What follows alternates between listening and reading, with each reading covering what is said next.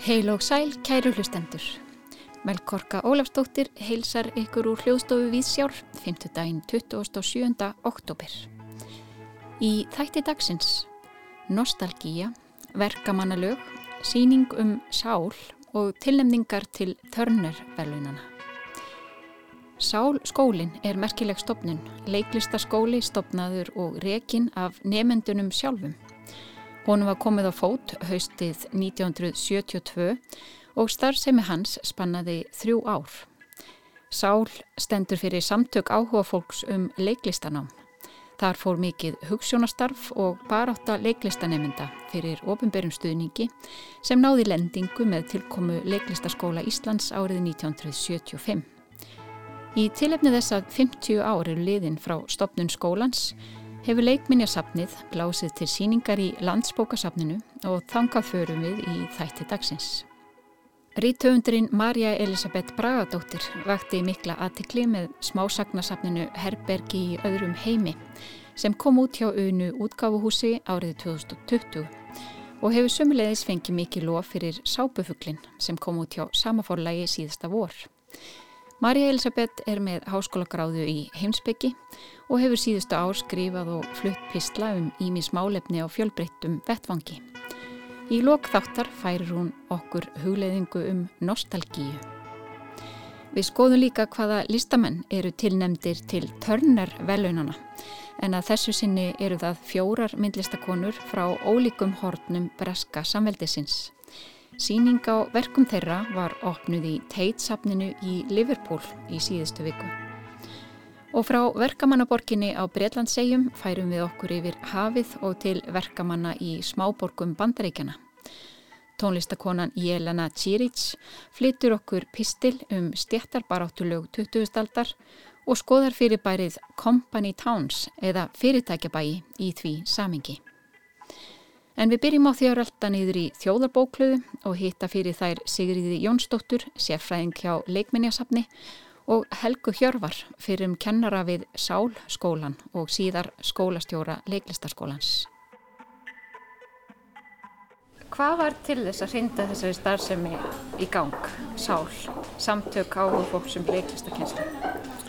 Það var vegna þess að til þess að fá ríkisleiklistaskóla sem var búið að berist fyrir lengi þá var, lögðu bæði leikursi niður sinn skóla og það voru bara krakkar sem voru búin að býða í mörg ár eftir að komast í leiklistanám og svo lögsins bara sögðu þau, já, nú býðum við ekki lengur, nú bara stofnum við okkar skóla. Og hver voru svona helstu baróttum ár sá? Fyrir hverju var sérstaklega barist? Sko það var mjög, mjög fjölbreytt reyndar og þegar, maður fyrir að kafa í gögnin þá kemur svona ímislegt áhugavert og skemmtilegt að ljós. Þar á meðalega aðalega var það fyrir stopnum Ríkisveikins uh, leiklistaskóla. Það var eiginlega nummer eitt og það var ástæðan eins og segið að skólinn var stopnaður.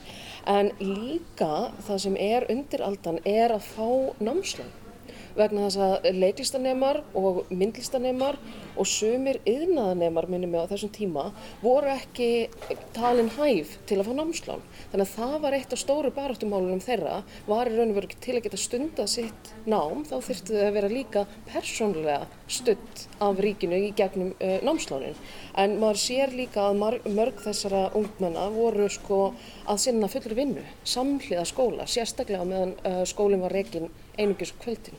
Þá var fólk að vinna í, á skrifstofu, voru í blikksmíði og hitta þetta og kannski að reyka heimili. Mm -hmm. Þannig að námslánin trónuði mjög hátt á þessum lista. En þessi skóli var um margt ólíkur þeim skólinn sem höfðu verið, hann var til dæmis mjög líðræðislegur. Var eitthvað svona fleira sem engyndi þetta starf?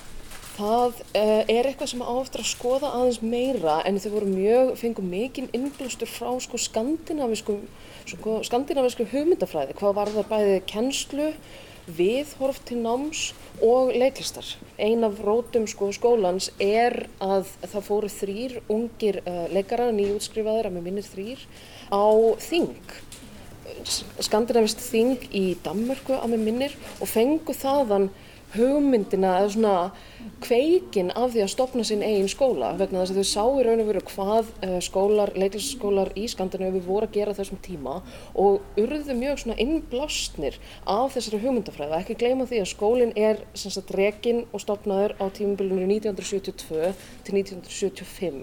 Þannig að þetta eru miklir umbróta tímar sko í samfélaginu yfir höfuð. Þannig að þaðan held ég kemur þessi svona líðræðislega hugssjón, þessi hugmynd um sko allsýrarfundi og um svona breyða samstöðu mm. kemur mjög mikið frá þessari svona vinstrisinu pólitík sem var, var svona kræmandi í samfélaginu á þessum tíma. Mm -hmm. Það var mikið fund að það var engin eiginlegu skólarstjóri, einhver tíman var ráðin framkvæmdastjóri á tímambili og nefndunir fundu sjálfur sína kennar og þú varst meðal þeirra frá upphafi, Helga.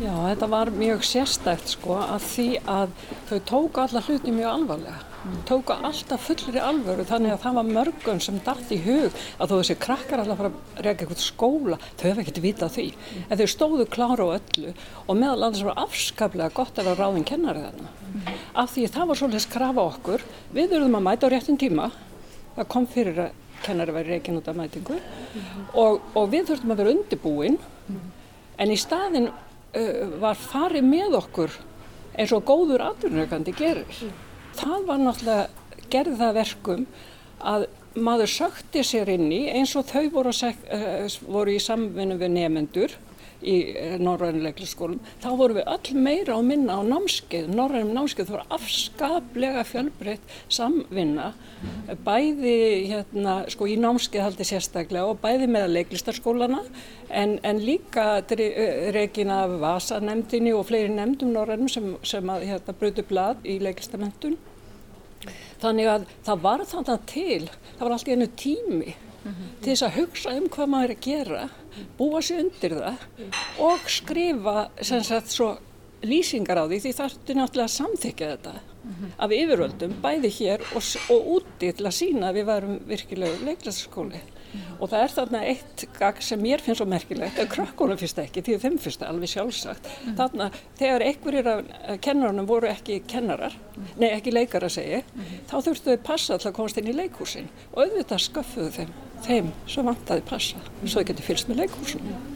En hverja voru svona helstu greina sem voru kentar þarna? Ég var aðeins að skoða, ég hjó eftir að heimilda skráning eða svona þá er kurs í því að kynna sér málinn og það voru nefndur sendur út á örkinni til þess að kynna sér til dæmis börn mm. og tveir nefndur fóru að kynna sér börn og, og, og vinnu barna og barnaheimili mm. til þess að búa til mögulega leikrit úr þessu efni. Þetta er mjög áhugavert. Já. Þú sér það á lýsingu þeirra hvað þeir höfðu nefnilega tilgang með le eh, leikúsinu, af hverju þau vildu stopna leikús og verða leikarar mm -hmm. og það var meðal annars að hafa eitthvað, hafa eitthvað að segja við sitt samfélag mm -hmm. og þannig eru sem sagt var eh, hugljómunin sótt í lífið í kringum þig. Mm -hmm. Líka fara og skoða fólk út á götu eða fólk við ímissar aðstæður sem ekki að sækja til lifandi fyrirmynda. Eins og til dæmis með hvað sko námsefnin varðar þá er svo merkilegt að skoða þetta safn sem er uh, varfitt á uh, leikuminsafninu er vegna þess að þetta heimanám og þetta skipulag er til. Maður getur séð að svarta kvítu hvernig námið var skipulagt, hvað svo fjölbreytta var og þar að meðal það voru svona ákveðna grunnstóðir, þar að meðal eins og hér hérna hópaflsfræði sem að Helga kendi eða grúpudýnamík sem var þá kalluð og þau námskopni er til.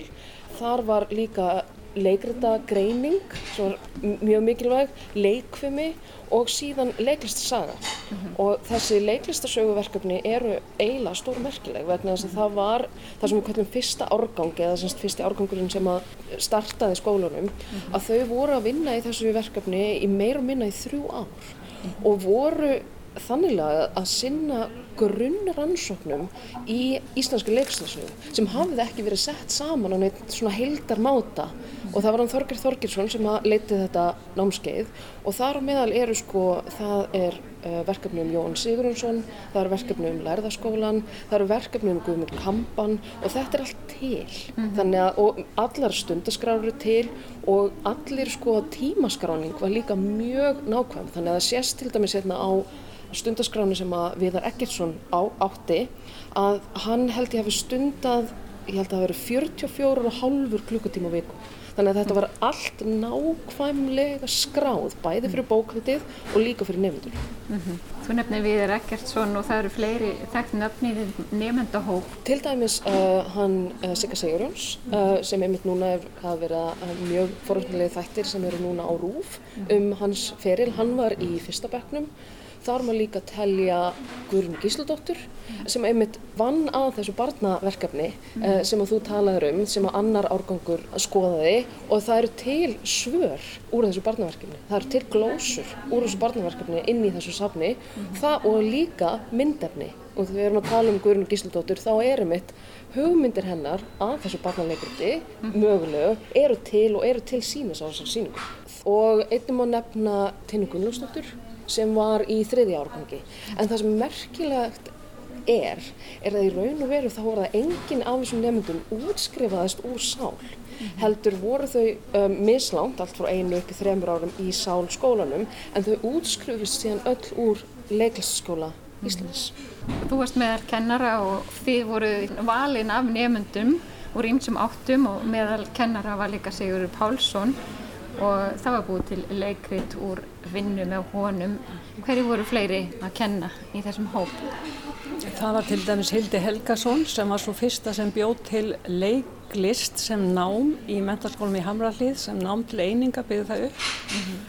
og, og það var Þóruldur Þorleifsdóttir sem var sem sagt nýkomin heim hafi verið í London og það var e, Þorvar Helgason, hann kendi líka og svo voru sko við sem kendu uh, leiktúlkun, það var Bjarni Stengrinsson, hann var, hafði verið í þjóðlíkurskólanum, það voru sem sagt blanda af fólki með mars, margvíslega reynslu. Og svo náttúrulega þegar var farið í nefndaleikúsi sem þá í rauninni er undir hætti eh, hérna, leiklistaskóla Íslands mm -hmm. að þá koma allar þessar skapandi stjættir sem taka þátt í leiksýningunum og það sem allt námið er byggt upp allan annan tíma að það geti nýst þegar þú stendur á sviðinu fyrir framann áhörundur mm -hmm. og það var líka svona rosalega skemmtilegu suðupottu sko en það sem er aðtiklisvert og bara til umhugsunar að tveir fyrstu bekkinnir þá útskriðust þeir sem komu og byrjuðu og stunduðu námið, mm -hmm. altså fjallökja mætingur og það, það sá mælikvarði sem var notið það var ekki af því að það, það var bara kent og svo ekkert hugsað það meir. Mælikvarði var alltaf hverjar eru framfarir þessa í sambandi við það sem hann gata áður og alltaf var stefnan að þau gætu klára sig sem sagt, að gætu sínt þetta í leiksýningum og það var ekki fyrir en það var orðin svo mikil aðsókn á skólanum þegar að síðasti bekkurinn komin í að þá sem sagt þurfti að fara því það var ekki hægt að hafa bekki yfir 20 manns í, í hverju bekk, það er ekki ekki mögulegt þegar það er svona mikil einstakliskensla.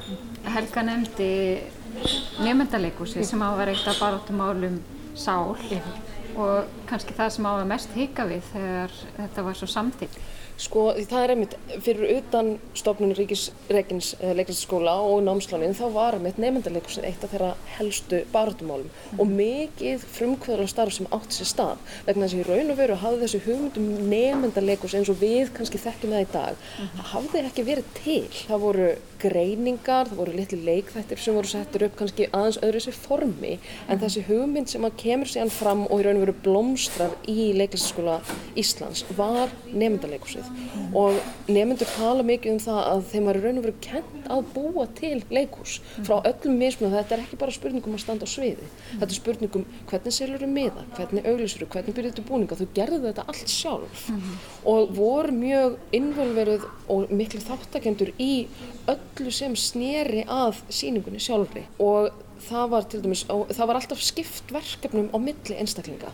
Hver er að sjá um ljósin, hver er að sjá um miðansöluna, hver er að sjá um hitt og þetta? Og þetta var líka líðræðislega ákveðið. Þar meðal eins og við getum séð ásýningunni eru vegspjöldin og þar vil ég líka nefna sem dæmi vegspjöldið hjá Björkuskói og þar var í raun og veru, það var bara sett á stað samkeppni um hver myndi hanna plakatið og niðurstaðan var svo að það var Viðar Ekkersson sem kom með áhugaverðistu tilvöðuna mm. og hann í raun veru var síðan að hann er fre frekar leikari og leikstjóri en þarna þú veist byrtist fram einhvers konar veist öðruvísi listrænir svona hæfleikar og margir sko það voru draumur margra að sko í framtíðinu þá yrði þessi skóli eða leiklisskóli miklu fjölþættari stopnum. Þannig að þetta var ekki einskorðast ekki við bara leika, þú veist að leikaran heldur líka sko leikmynda hönnun, leikstjóra og annað slíkt. Þannig að við getum séð að sko 50 árum setna er þessi hugmynd ennþá frekar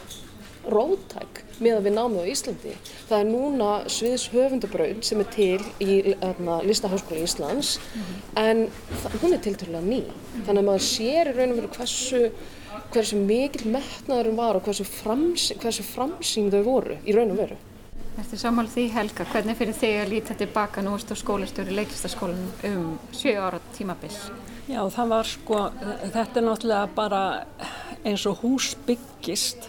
Ég get nú eiginlega sagt sko að, að af því að ég flutti svo til útlanda og starfaði sem sagt á Norðurlöndum í, í tæp 20 ár og þegar ég kom heim inn í borgarleikúsið og sá fyrstu síninguna þar svona í fullu ykkur, þá fjekk ég bara tárin í augun því ég hugsaði bara til frumkvöðlana þessar gamla fólk sem ég þekkti úr leikfélaginu, Áróru og hérna Steindór, Helga Skúla, Helga Bakka, allt þetta fólk, eða Brynjólf, tala um þá kynnslóð þau það aldrei geta ímyndað sér, ekki sínu viltustu draumum að þetta gæti orðið svona. Og, og þá vil ég segja sko að þetta hefur bara verið einn samfeld eigilega þróun, vil ég meina, ég veit ekki lengur aftur en leiklistaskóla leiklis Reykjavíkur, þar sem ég var. Og að það er sem sagt þetta að sko að reyna að þróa svona kennslu og okkur tókst þá eiginlega að skilja svolítið hvað var á bakvið þó að það væri kannski ekki lagt fram fyrir okkur og síðan kemur uh, sálskólinn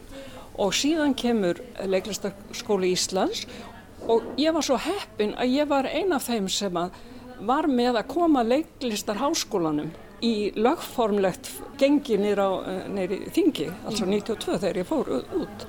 Þannig að þetta er bara einn dásamlega saga. Og, og það er svo dásamlegt líka sko allir árgangar sem útskóðs á þjónukursinu líka og svo höfum við pínulitla þekking á bæði leiklistaskóla Le uh, Lárusa Pálssonar. Þannig að, að, og hún er svo stutt. Þjónukursu opna 1950 það verður að passa, þess vegna er þetta sapp svo ofsalega mikilsvirði allir sem hefur bara snepil frá einhverju að fara með það á safnið til þess að sína þeim sem koma hvað þetta var og það sem Helga í raun og veru gerði og það sem er svo merkilegt við þetta tiltekna skjálasafn sem tengist sál er að sko söfnunar aðferðin endur speiklaði í raun og veru hugmyndafræði skólans mm. óafvitandi vegna þess að það sem var gert var í raun og veru bara að setjast niður skrifa alla þá einstaklingar sem voru eða voru í skólanum eða tengdi skólanum á einhvern máta mm. og síðan bara byrjaði að ringja mm. þannig að skjölinn koma úr öll öllum mögulegum áttum þvert á hópin, það er enginn sem skiptir meira máli heldur en hinn þannig að það er svo einhvern veginn ég held að það hef ekki verið sko viljandi gert Nei. en það einhvern veginn er svo fallegt að það endur speklist líka í skjölunum og það er nefnilega það mikilvæga við sko, leikminnarsafnið og þessa hugmyndum að varveita leiklistasögu landsins er að þetta snýst aðalega um fólk Þetta snýst um fólkið sem eru þáttakendur í leiklistasögunni. Og það er nefnilega svo indislegt við þetta, þessa síningu er að þarna, þegar við opnum hann í síðustu viku þá komu um það byrju 90 manns. Mm. bæði nefndur og kennarar og velunarar skólans sem eru ennþá að hafa áhrif í menningarsamfélagi í Íslands. Já, ég vil bara minna alla á það hvað hún Helga Backmann hafi rétt fyrir sér þegar hún sagði á einhverju ráðstefnu að leiklist væri umhverfisvænasta listgrein sem tilværi því hún bara yrði til og svo heyrðum hún út í buskan og það er akkurat það sem hún Sigriði var að segja. Þess vegna þarf að geima gögnin því hún er ekki lengur til þegar hún verður til. Sigriður Jónsdóttir, sérfræðingur hjá Leikminjasafninu og Helga Hjörvar fyrir um kennari við Sálskólan og skólastjóri Leiklistaskóla Íslands sögð okkur frá starfsemi samtaka áhuga fólks um leiklistakenslu og síningu um Sálskólan sem nú stendur yfir í landsbókasafninu. En þá snúum við okkur að tónlist, nánar tiltekið verkamannasöngum. Jelena Čiric tekur við. Some people say a man is made out of mud A poor man's made out of muscle and blood Muscle and blood and skin and bones A mind that's weak and a back that's strong. You load 16 tons. What do you get? Another day older and deeper in debt. St. Peter, don't you call me, cause I can't go. I owe my soul to the company store.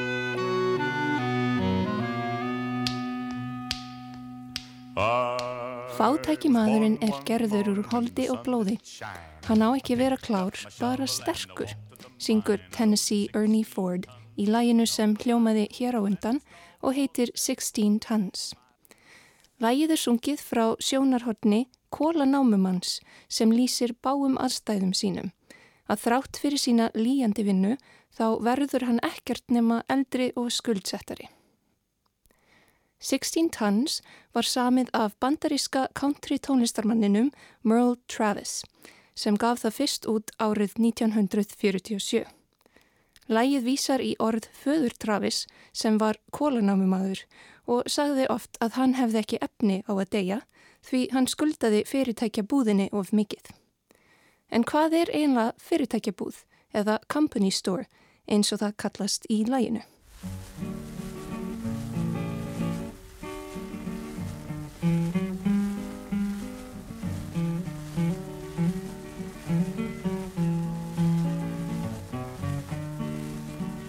This land is your land, and this land is my land.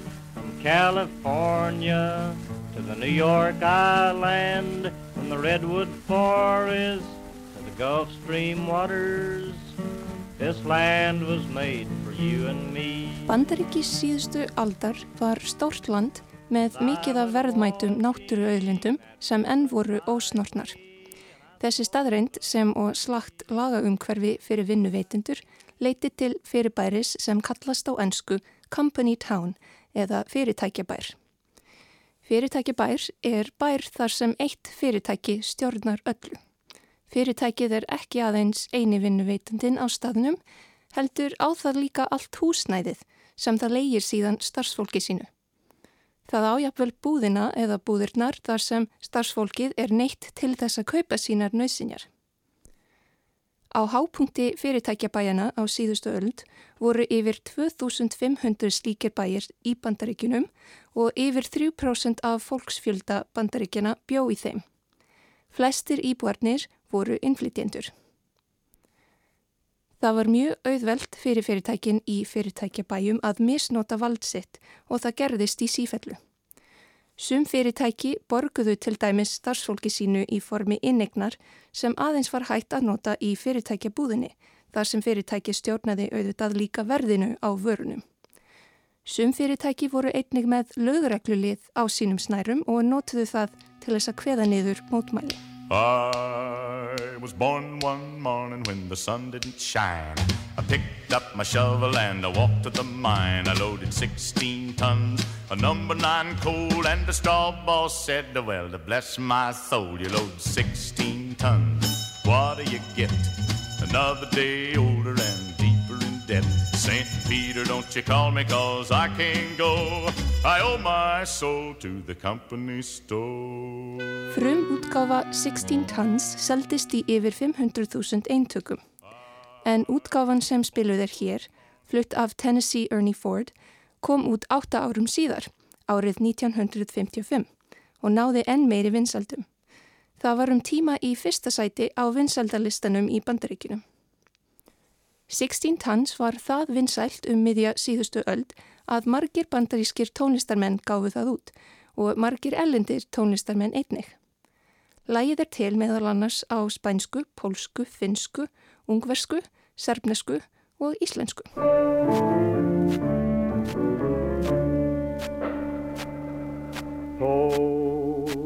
Tólsmálesta horðmenn telji varðla skýr og tillu færð beri einið yfir mann svýr.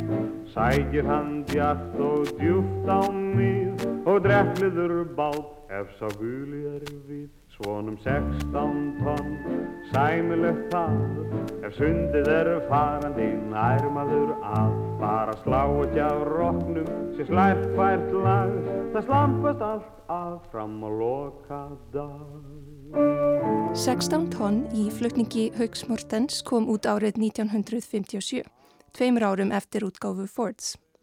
Það ætti ekki að koma óvart að Loftur Guðmundsson, tekstahöfundur þessarar íslenskrar útgáfu, hafi breytt kólanámumanninum í sjómann, enda var og er sjómenska kunnulegra starf fyrir íslenska hlustendur en kólavinnsla. Þótt teksti Lofts vísi í stjættaskiptingu með því að nefna að Trillukarl beri ekki yfirmannasvip, þá er hann tölvert jákvæðari um starfið og starfsaðstæður en frumtekstin er um bandaríska kólanámustarfið. Kvótakerfið var þá ekki komið til sögunar á Íslandi. Útgerðirnar voru minni og sjómenn tölvert sjálfstæðari en kólanámumenn í bandarískum fyrirtækjabæjum á sama tíma. En sjávarútvegurinn á Íslandi kom til með að breytast og byrtingarmynd hans í íslenskri tónlist ekki síður.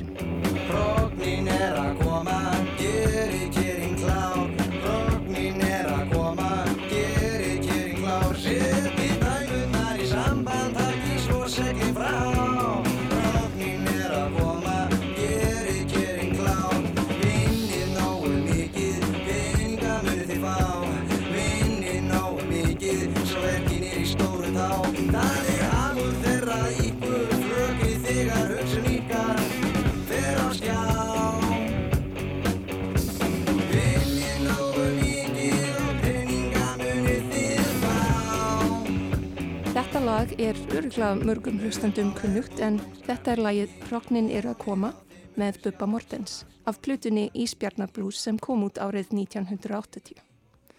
Rogn Bubba komast í raun nær upprunalegum andblæ 16 tons heldur en íslensk þýðing Lofts Guðmundssonar á því lagi. Það eru meira að segja mjög svipaða línur í lögunum tveimur. Á meðan Merle Travis syngur að verkamadurinn hafi A mind that's weak and a back that's strong, þá syngur Bubbi beint til hans. Stæltur er skrokkur þinn, djöfurt sljór hugurinn. Á sveipuðum tíma og Bubbi var að semja um veruleika sjómanna í verbúðum var Bruce Springsteen að gefa út lög um líf verkamanna, eins og lagið Factory frá árinu 1978 en hann var líka að semja lög um draugabæina sem urðu síalgengari þegar hinnar stóru námur og verksmiðjur urðu gjaldróta eða fluttu út fyrir landsteinana eins og hann lýsir í læginu My Hometown.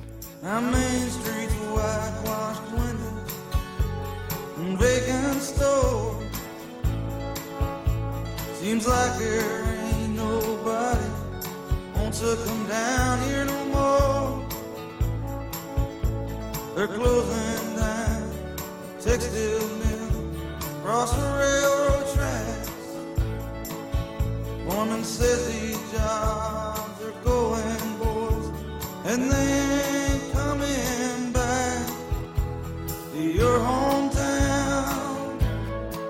My Hometown kom út árið 1985 en þá höfðu vinsældir laga um stjættarbarótu eða stjættaskiptingu lungu byrjað að dala í bandaríkinu. Markvissar aðgerðir af hálfu stjórnvalda og stórfyrirtækja höfðu að hluta til náða kveða niður baráttu stjættarfélaga og þar af leiðandi tónlistina sem tengtist þerri baráttu. Þróun í hljóðritunar tækni og útvarpstækni þýtti einnig að allþýðu fólk hafi betra aðgengi að tónlist sem flutt var af þjálfuðu tónlistarfólki.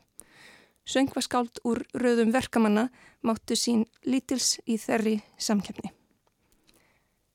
Þetta varð eiginlega hálgjart grínfóður til dæmis í einum Simpsons þætti sem kom út árið 1993 þar sem Lisa syngur baráttulag þegar Homer og kollegar hans fara í verkvall. Come gather round children, it's high time he learns about a hero named Homer and a devil named Burns. We'll march till we drop the girls and the fellas. We'll fight till the death or else fold like umbrellas. Í dag er erfitt að ímynda sér akkustíkst lag um stjættarbaráttuna á toppi vinsaldalistans í bandaríkinum eða á Íslandi eða hvar sem er í hinnum vestræna heimi. Það er spurning hvort það vanti einfallega góð lög til að endurvekja stjættarbaráttuna eða hvort það vanti frekar sterkari stjættarbaráttu til að endurvekja tónlistina. Á meðan gera tæknýrisarnir kunnuglegar áætlinir.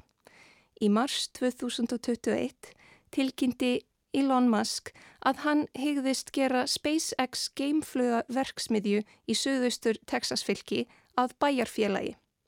Eða kannski frekar að fyrirtækja bæ. You load 16 tons, what do you get? Another day older and deeper in debt St. Peter, don't you call me cause I can't go I owe my soul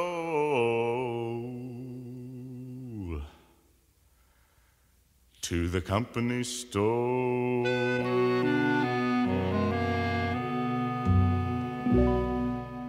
Jelena Čiric fjallaði um stjættarbaróttulög upprunnin í smábæjum bandaríkjana á síðustu öld og við færum okkur um set og hugum næst að myndlist. Guðni Tómasson tekur nú við og hann er með hugan við þekkt bresk velun. Törnar myndlistavelun Bresku eru komin aftur á kreik og það sem meira er þau eru komin til Bítlaborgarnar í Liverpool í annarsinn. Nýri við höfnina í Liverpool við Albert Dock þar sem að meðal annars er að finna sjóminasapn þessara fortfræguborgar og sapnum fjórmenningana í Bítlunum er líka að finna útibú frá Tate Britain safninu, Tate Liverpool, þar sem 20. oktober síðastliðin var opnum síninga á verkum þeirra fjóra listamanna sem að þessu sinni eru tilnæmtir til velunana eftirsóttu. Það var síðast árið 2007 sem velun voru afhengt í Liverpool. London, miðja Bresks myndlistalífs, er venjulega heima völlur velunana sem litið er til víðar en bara í Breitlandi. Og það verðist svo vera sem stemmingin sé góð fyrir tönnurvelunum að þessu sinni. The Guardian orðar það að minnstakosti svo að það sé bræð af tilnemdu myndlistinni þetta árið hægt að smjatta á henni. Og það gerum við hér í Víðsjá, skoðum aðeins listamennina fjóra sem allt eru konur með hjálp ágædra viðtala sem teit listasafni seturinn á YouTube síðu sína. I'm Heather and I make stuff. Fyrsta skal nefna Heather Philipson sem fættir árið 1978 í London. Það verðist nokkur sláttur á Philipson, myndbandið um hana og verkennar er daldið eins og poptónlistamindband. Hún er tilnæmt til tölner velununa fyrir síninguna Rupture nr. 1, Blowtorching the Bit and Peach sem sínd var í móðursarnu Tate Britain í London og fyrir verkið The End sem var á fjörðu súlunni svo kulluðu við Trafalgartorg þar í borginni sem oft er nótuð fyrir samtíma myndlist. Það verk var eðli málsins samkvæmt skúltúr þarna på súlunni, risastór ís með kissuberi ofan á en skrýðandi stórum maurum á sætindum. So I'm usually jamming together bits of stuff that I've hijacked from all over the place. Where possible low-grade materials that come from the street, from underfoot. Heather Philipson er upptekinn af umbreytingunni og hún notar margskonar efnir við í verkum sínum. Ekki síst allskynns fundna hluti sem heillana. Velur svo úr, raðar saman og umbreytir og leggur upp í ferðalög án fyrirheits. Er óhrætt við óvissuna og þykir ekkert verra að dempa henni líka á áhörundur sína. I think of my works as all kinds of compositions because music is perhaps the most fundamental part of my palette. Everything about musical structure, its tones, pitches, rhythms, frequencies, key changes, changes of movements is in my work. Hún talar um að verk sín séu eins og tónverk þurfi takt og tóna, lagskiptingu, lóðrétta hugsun millir ólíkra ratta. Ekkert er forskrifað eða fast mútað í upphafi, verkin eru stórar, tæknilega floknar og margrata innsetningar, margir skjáir, litumbreyting á rýmunu. Þetta er aldrei flippaður og viltur heimur. Listakonan gengst við því að stela öllu steini léttara. Hún líkir vinnusinni við verkefni leitarhund sem stingur trínunu ofan í jörðina og þefar upp eitthvað gott til að naga á. Þarna ægir öllu saman. Efnið er fundið út á götu, á netinu eða jafnvel neðanjarðar og það getur nýst í allar áttir. Tekningar, rýmisumbreytingu, skrif, tóngjafa, skúltúra. Dystopískur og nokkuð súrealiskur myndheimur er samsettur úr óleiklegustu hlutum, oft með sterkum vísunum í náttúruna sem þó hefur verið stökkbreytt eftir höfði listakonunar. Leindadómur listarinnar er leistur með því að hann er lifaður. In as much as I'm the person who makes the pictures. I'm always the subject of my own work. It's me expressing something about a landscape or a person or an issue, so I'm always in it. My name's Ingrid Pollard, I'm an artist and photographer. Stemmingin í kringum Ingrid Pollard og verk hennar á Turner Prize síningunni í Liverpool og í kringum kynningamindbandið hennar er nokkuð öðruvísi en það um áðurnemda Heather Philipson. Myndbandið um Pollard er eins og einhvers konar sveita heimildamind. Hún er tilnæmt fyrir síningu sína í galleri í Milton Keynes. Hún vinur engu með ljósmyndir, bæði eigin og annara og einni með skúltúra, lifandi myndir og hljóð. But I feel the work is much more about Britishness than race. If you're talking about Britishness, which is Það að vera bresk, hvað í því fælst og hvað fellur utan svega er megin umfjöllunar og rannsóknarefni Ingrid Pollard. Hún er fætt 1953 í Guyana, nýrst í Suður Ameríku. Hún hefur ljósmyndaða forvitni og áfergju frá unga aldri og hefur til dæmis unnið í verkum sínum með myndræna fortið fjölskyldunar með fjölskyldualbum foreldra sinna. Pollard teflir saman kynþætti og landslægi sem oft býr yfir hlöðnum félagslegum tilbúningi í marglaga sögulegu samhengi. Hvað þýðir að vera bresk? Hvernig passar svartur innflytjandi inn í breska sveitaromantík? Hvernig er það að vera eini dökki krakkin í sveitinni? Reynsla sem Pollard býr sjálf að. Ennska sveitin er jú manngjörð nánast frá að til ö. Þetta sér maður greinlega þegar hortir út um lestarklöka í þessu mikla landbúnaðalandi með sinn hörnandi yðnað og innviði. Spurningar Pollard eiga líka einhvern veginn engar vel við nú þegar nýr fósætisráðura af asísku bergibrotin er tekin við í Breitlandi. Skiptir það einhverju? Þýðir eitthvað að vöðla saman í einn hóp asískum bretum ríkum hindúa sem tekin er við aðstu stöðu landsins og til dæmis múhamistrúamönnum sem eru sáhópur í litrófi Breitlands sem hefur það hvað verst í efnahags og menningarlegu tilliti. Og Pollard vinnur á áhugaverðan hátt með ljósmynda efni við sinn, bæði sinn eigin og annara. Hún hefur til dæmis fengið að nota gamla ljósmyndir sem teknar voru á nýlindu tíma breyta í Jamaiku og handlita þær upp og nýtt. Þannig reynd að gefa þeim þeldökku einstaklingum sem þar má finna nýja rödd. Á sama hátt hefur Pollard unnið með filmu, til dæmis filmubút af lítilli stúlku sem beigir sig djúft eins og fyrir fyrirmenni, kannski fyrir drotningunni sjálfrei, eða nýju heimalandi. Stúlkan byrtist okkur ramma fyrir ramma og leggst einlega saman svo vel beir hún sig, líka menn síðan endurspeiklaður í skúltúr við hliðiná sem settur er saman úr tveimur tannbeittum sögum sem að svigna líkt og líka með stúrkunar. Hvernig finnum maður sér samanstað í tilverunni, bóknamaður eða brotnar? I like to describe myself as a visual artist. I'm really interested in, in contradiction and paradox and how that really speaks to our wider culture. Þriðja listakonan er Veronika Ryan sem er líka fætt fjarrri klettunum á ströndinni við Dover sem að breytar upphefið jú svo mjög. Nefnilega árið 1956 á eldfjallaeginni Montserrat í Karabíahafinu sem enn tilherir breska samveldinu. En Ryan flutti ung með foreldrum sínum til London. Hún er til nefn til törnarvelunina þessu sinni fyrir síningu sína á Spike-eigu í Bristol þar sem starfrækt er samtímalista miðstöð. Í verkum sínum kannar Ræjan allskynns mótsagnir, hún notast einnig mikið við fundin efni við, er mikill sapnari og líkir sér við þjóvóta skjóin sem að sapnar að sér hverskynns glingri, nema hvað Ræjan sapnar bæði organískum og fjöldaframleitum hlutum og vísar í næjusemi sem móðurennar innrættinni. Í skúldurum sínum og innsetningum blandar ræjan saman minningum og draumum og kannar hvernig vitund okkar er í sífellu einhvern veginn að rakna upp og prjónast saman og ný.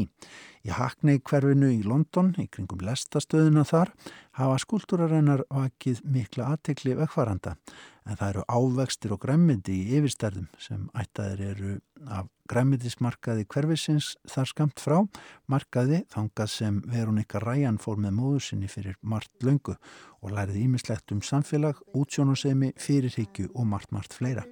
Og nú leika börnin sér á skúldurumennar og það gleður hana. But then there's this possibility for play and that children are learning about structures and sculpture and about foods from the places their parents come from. So they connect on lots of different levels. Fjórða og síðasta listakonan sem tilnæmdi er til törnarvelunna þessu sinni er Sin Mai Kin sem er kanadísku myndistamæður fætt 1991. Jú einn bresku törnarvelun ná til þeirra sem að falla undir samveldið breska. Sin Mai Kin er tilnæmt fyrir þáttöku sína í samsýningunni British Art Show 9 á Frís London listamessunni. In my practice, I think The characters came before the universe. I started with one character who was my original character that I call Victoria Sin. Og sinnvækinn er ekki öll það sem hún er séð. Hún býr sér til personur og hliðar sjálf eins og hana listir. Hún notast við það sem hún kallar spekulativ fiksjón til að afbyggja og endurbyggja félagslegan tilbúning og sagnamennsku. Hún skapar personu sínar fyrst, svo fjölgar þeim og síðan verða til tengingar og jafnvel heilu heimadnir. Fyrsta personan sem hún skapaði var hlýðarsjálfið Victoria Sinn með stórar varir, laung augnahár, stór áhengt brjóst á líkama hinnar smágerðu listakonu. Allt er breytingum háð, segir listakonan sem orðið hefur fyrir einna mestu áhrifunum í listsinni frá vísindaskálskap, hreitni fantasíu sem síðan er hægt að fara að trúa ef svo berendir og verður jafnvel hálgerðu veruleiki í kollinum á manni. Sinnvækinn trúir staðfastlega á það að það persónlega sé algilt og geti höfða til stórs hóps. Verk sín vinnur hún nánast eins og leikús, hún rannsakar mikið, skrifar handrit og skissar samhliða upp nýjar karaktera, leikur síðan skrásetur og mynd, býr til kvikmyndir hljóðrásir tónlist. It's always you. You're the one in me. You tell my different sides. my multiplicity. I see myself in you, reflected back at me. It's Always You syngur fjögur að stráka strákaband nokkuð sérstakt sem allt eru byrtingamindir af listakonni sjálfri. Þannig er alvarlegi strákurinn, sexy strákurinn, sá sem er alltaf að grínast og svo framvegis. Strákar sem að standa fyrir þrárokkar en eru kannski lítið annað en kapitalisk herðatri sem eitthvað er hægt að hengja á, gallaböksur, stregaskó, góstrykki. Flóttir listakonnar inn í önnur hliðasjálf stendur fyrir flótta okkar sjálfra undan því að horfast í speil, grímurnar endalösar, allt mögulegt. Törnervelunin verða í Tate-safninu við höfnina í Liverpool fram í mars, tilkynnt verður um sjöguvegaran í desember.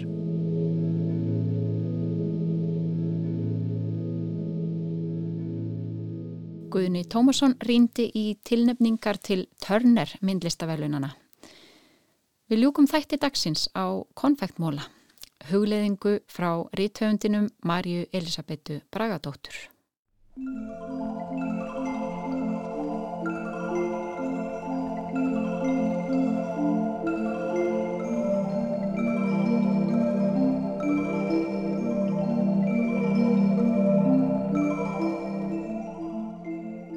Ég heiti Marja Elisabeth og ég er nostalgísk. Upphaflega hafði nostalgía læknisfræðilega þýðingu og má reykja sögu hugtaksins til 17. aldar en það er talið koma úr smiðju svissnesks læknanema. Hann á að hafa fundið upp orðið nostalgía og notað yfir þunglindið sem hrjáði svissneska málaliða sem börðust fjari heimahugunum. Nostalgía er nýjaldarlatína og þýðing á þíska orðinu heimþrá en það er samansett úr tveimur grískum orðum.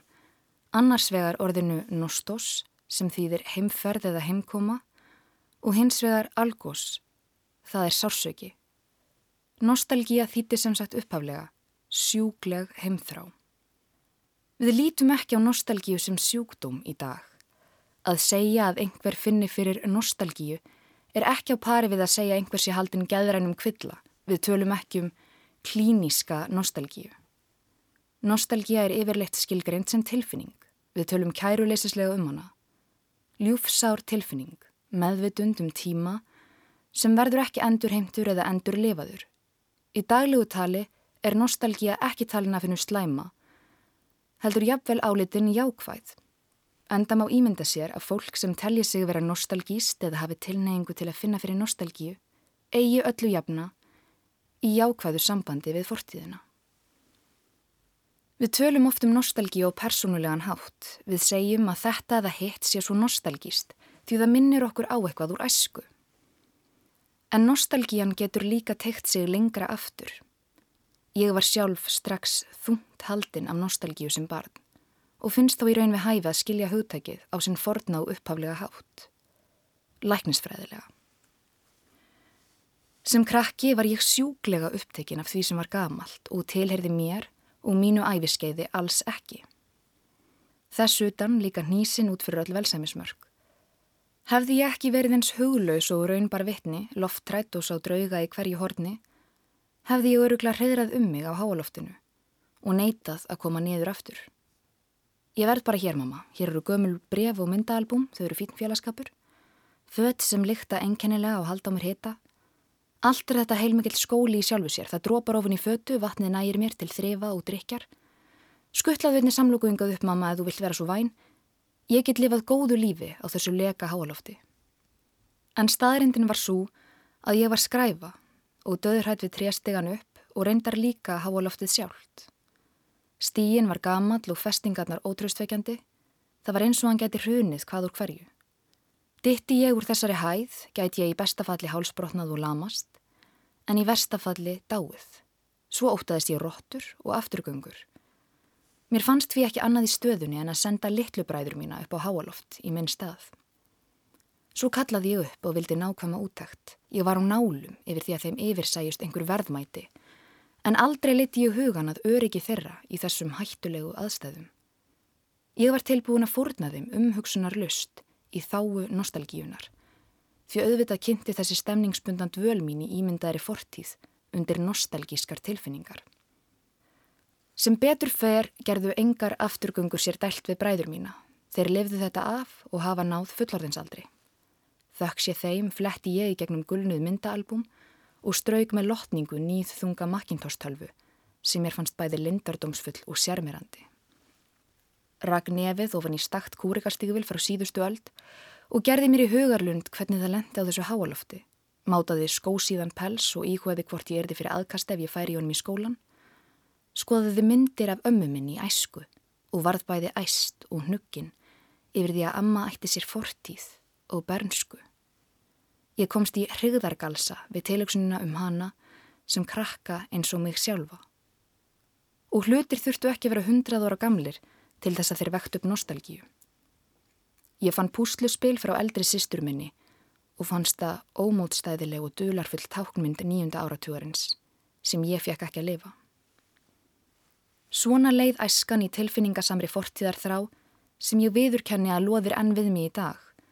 Ég er enn haldinn hálf sjúglegum áhuga á fortíðu látina fjölskyldumæðlima en nefn alls ekki staðar þar heldur hef líka áhuga á ættarsögu annara og almennt öllu fólki sem lefiði fyrir mína tíð og er lungu búið að yfirgefa hótelið. Óhað minni persónlegu reynslu, þá finnst mér við reyndar öll vera hel tekin af nostalgíu. Við lifum og hrærum stíjani. Ég sé fólk á mínum aldrei kyrsetja börnin sín fyrir framann Disneymyndirnar sem þau sjálf horfða á í esku. Jafnaldrar mínir hafa mörg hver enn ekki náða yfirstíga innan skólapólitíkina sem ríkt í Hogwarts, skóla Galdra og Seiða árið 2003. Og þá þarf ekki að leita lengi til að finna nostalgískar áherslur á streymisveitunum, heilu sjónvastáttarraðirnar sem ganga út á nostalgíu. Er kynnslóðin mín nostalgískari en kynnslóðirnar sem á undan hafa komið? Er hún nostalgískari en exið? Nostalgískari en hipparnir? Ég tek punkarinn út fyrir svega. Það var ekki drópi af neinskonar heimþrá í punkurunum.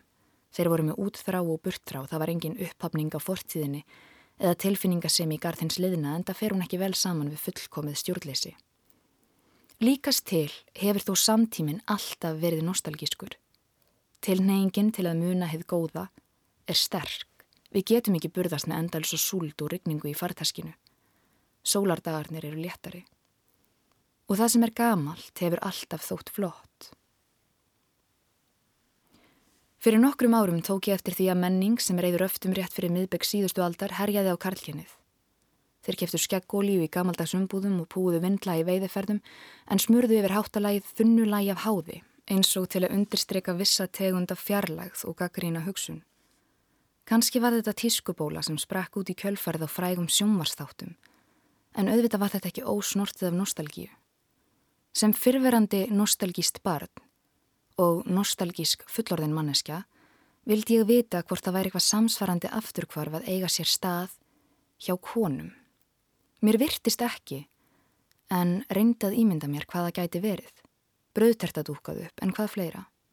Eldhúskrókur? Nælonsloppur? Valiumtöblur? Bröðtertan var pínu lítið lokkandi og ég gat látið mig dreyma um vikulega lagningu, en hitt vildi ég láta eiga sig. Þessi tiltekni tíðarandi gerði ekki ráð fyrir mér og þess vegna þrái ég ekki að eiga heima í honum. Ég finn þar ekkert skemmtilegt sem ég á lúmst menningarlegt tilkall til. Þá dætt mér í hug að karlar hefðu ríflegra tilefni til nostalgífun önnur kyn. Ég segi þetta, en veit samt að nostalgían er lúmsk og hún hefur okkur öll á valdi sér. Tískan fer viðstöðulust í ringi, bara misjaflega stóra og nostalgían er ísmegilegt handabendennar. Ég flett upp næsta áhrifavald á Instagram og sé þar brúnu barnaherbergin. Krakka í sporsokkum með gráa sixpensara og í pastilituðum prjónagólum klætt eins og fataskápurinn þeirra sé tímakista sem sogarðu aftur til upphafs ára síðustu aldar. Nostalgía. Heimþrá sem er sjúgleg því hún er þrá eftir veru í liðnum tíma. Sársökafull því hún er meðvitund um það sem er ófáanlegt það sem er ekki til og var kannski aldrei til. Hvað segir nostalgían um okkur? Er hún í einhverjum tilfellum dölin afturhaldsemi? Eða getur smá skamtur verkað sem mótefni gegn blindri framfaraheikju? Það eitt er víst að völd nostalgíunar eru ótvíræð. Hún umlikur okkur. Við erum dæmd til að móta afstöðu okkar, fagurfræð og smökk gildismat og lífskilning út frá fortíðinni. Ég sagði vini mínum að ég var að skrifa pistil um nostalgíu. Ertu með ráð þá? spurðan, fyrir okkur sem er með langt lit. Nei, sagði ég.